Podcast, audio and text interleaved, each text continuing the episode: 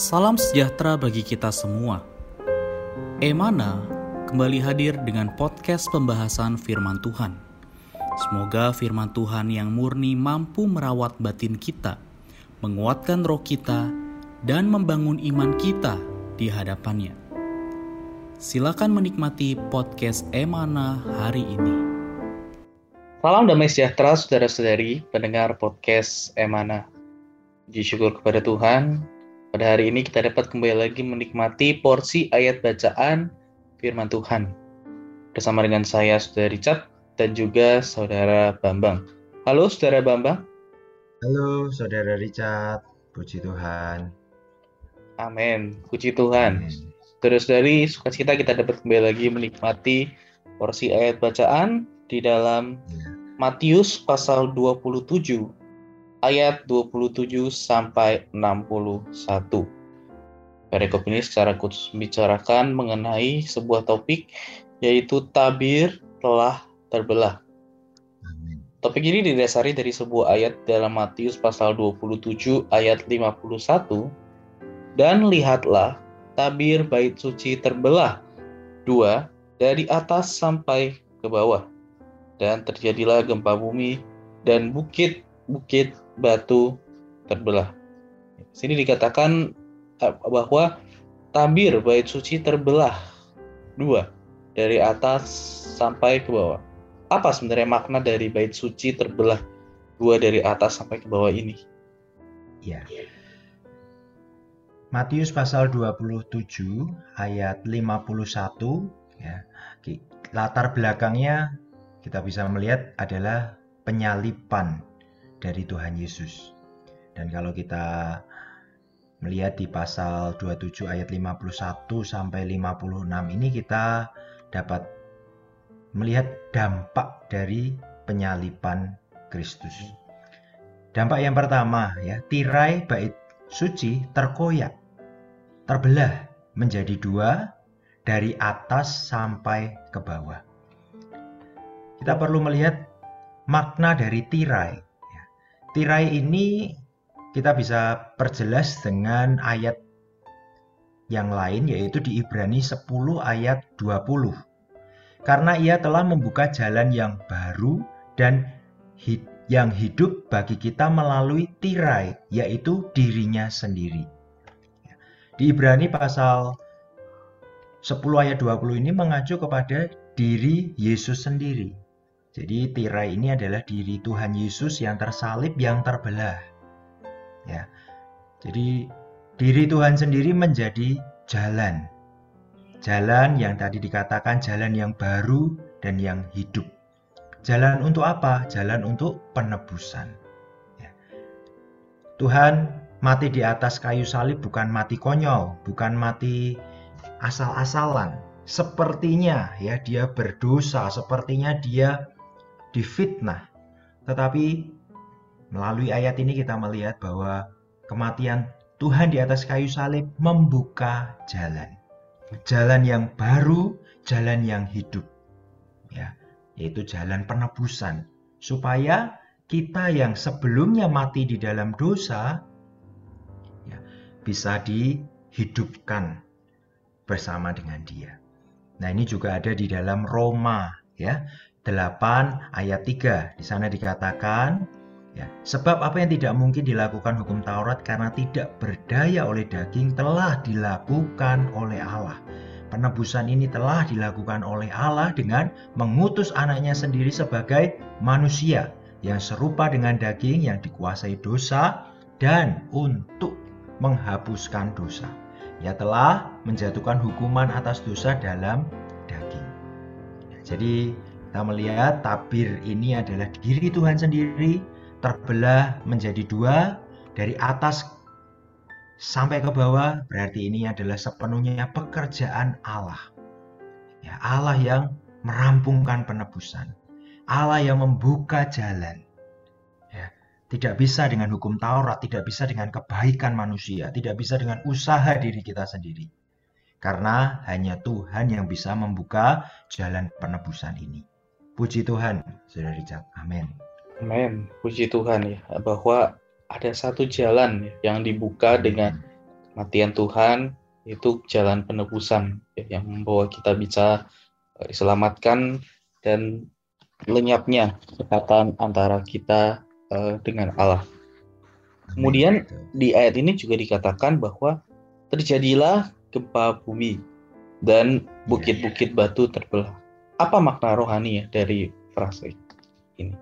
Ya, kita melihat bahwa dampak penyalipan Tuhan tidak hanya mendatangkan penebusan, membuka jalan bagi kita, tetapi juga, nah ini di sisi negatif ya, gempa bumi.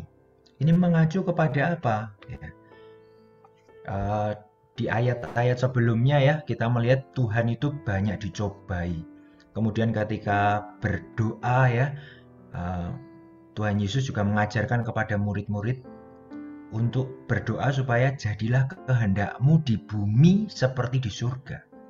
Mengapa kehendak Tuhan harus terjadi di bumi? Karena, karena di bumi belum ada kehendak Tuhan atau kehendak Tuhan masih dikalahkan oleh kehendak yang lain. Kita tahu bahwa dunia hari ini dikuasai oleh Satan, kuasa kegelapan.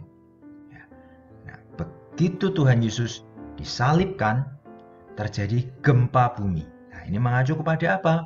Bahwa pemberontakan Satan di bumi ini mulai digoyahkan. Bahkan dikatakan juga bukit-bukit batu terbelah. Bukit-bukit batu ini menunjukkan apa? Pusat kekuatan Satan di bumi ini runtuh. Ya. Bukit-bukit ini mengacu kepada kan ada istilah bukit-bukit penyembahan ya tempat untuk menyembah berhalanya. Mengacu pada apa? Mengacu pada kuat kuasa Satan ya pusat kekuatan kerajaan Satan di bumi ini telah dibelah diruntuhkan. Haleluya. Inilah dampak ya bagi kerajaan Satan atas kematian Tuhan kita.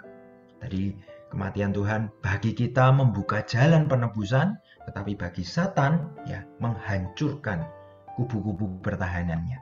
Nah itu bisa kita lihat dampak selanjutnya kuburan-kuburan terbuka dan banyak orang kudus yang telah meninggal bangkit. Ya. Di sini kita melihat di ayat 52, 53, ya, sesudah kebangkitan Yesus mereka keluar dari kubur, lalu masuk ke kota kudus dan menampakkan diri kepada banyak orang. Kita melihat di sini kuasa maut telah dipatahkan ya orang yang sudah terkena maut mati tidak bisa apa-apa. Kita melihat mayat orang mati tidak bisa bergerak apa-apa. Ya, tidak bisa melakukan apa-apa. Tetapi di sini dikatakan orang-orang yang telah meninggal dibangkitkan. Mereka bisa keluar dari kubur. Ini kuat kuasa kebangkitan dari Yesus. Puji Tuhan ya kuburan-kuburan terbuka kuasa kematian alam maut dikalahkan. Orang-orang kudus yang telah meninggal bangkit. Ini berarti Yesus menjadi yang membebaskan. Dan kemudian ya di ayat 54 kita melihat nah ini dampak yang juga ada ekspresi, ada satu pembuktian ya kepala pasukan dari prajurit-prajuritnya mengatakan apa? Sungguh ia ini adalah anak Allah. Kalau kita bisa melihat kematian Kristus, maka kita tidak lagi melihat masa Allah itu mati, masa Allah itu berdosa. Tidak.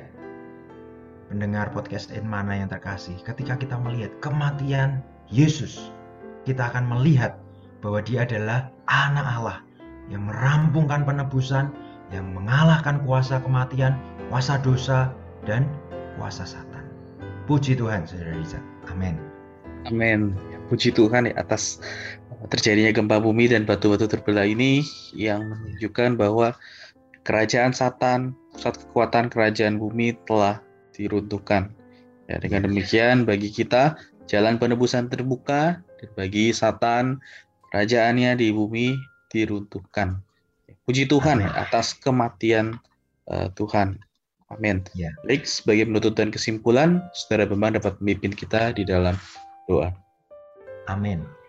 Mari para pendengar podcast Emana yang terkasih, kita renungkan sejenak firman Tuhan di dalam Matius pasal 25 ayat 51 ini. Betapa ajaibnya kematian Yesus bagi kita. Dan betapa berkuasanya kematian Yesus untuk mengalahkan musuh. Dan mari percaya bahwa khasiat kematian Yesus, kebangkitannya juga kita bisa terapkan hari ini. Ini bukan satu cerita yang sudah lewat, tetapi kita bisa alami setiap hari. Mari kita berdoa. Tuhan, terima kasih Kau telah merampungkan penebusan. Semua pekerjaan adalah dari Tuhan. Seperti yang kami lihat bahwa tabir, bait suci terbelah dua dari atas sampai ke bawah. Semua dirampungkan oleh dirimu. Terima kasih Tuhan kau merampungkan penebusan sehingga kami bisa memiliki satu jalan yang baru, jalan yang hidup. Terima kasih penebusanmu juga memiliki khasiat, kuasa yang bisa mengalahkan musuh.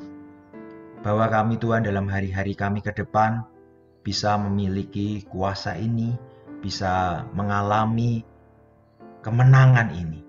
Terima kasih Tuhan, biarlah kematianmu menjadi berkat bagi kami. Kami adalah orang-orang yang telah ditebus, orang-orang yang percaya kepada Tuhan. Terima kasih Tuhan Yesus. Amin. Amin. Puji Tuhan. Terima kasih Saudara Bambang atas sharingnya hari Terima kasih. ini. Amin. Tuhan Yesus memberkati. Tuhan Yesus memberkati. Amin. Sekian pembahasan firman porsi hari ini. Sampai jumpa di podcast berikutnya. Jangan lupa untuk download aplikasi Emana pada handphone Anda untuk manfaat yang lebih banyak. Tuhan Yesus memberkati.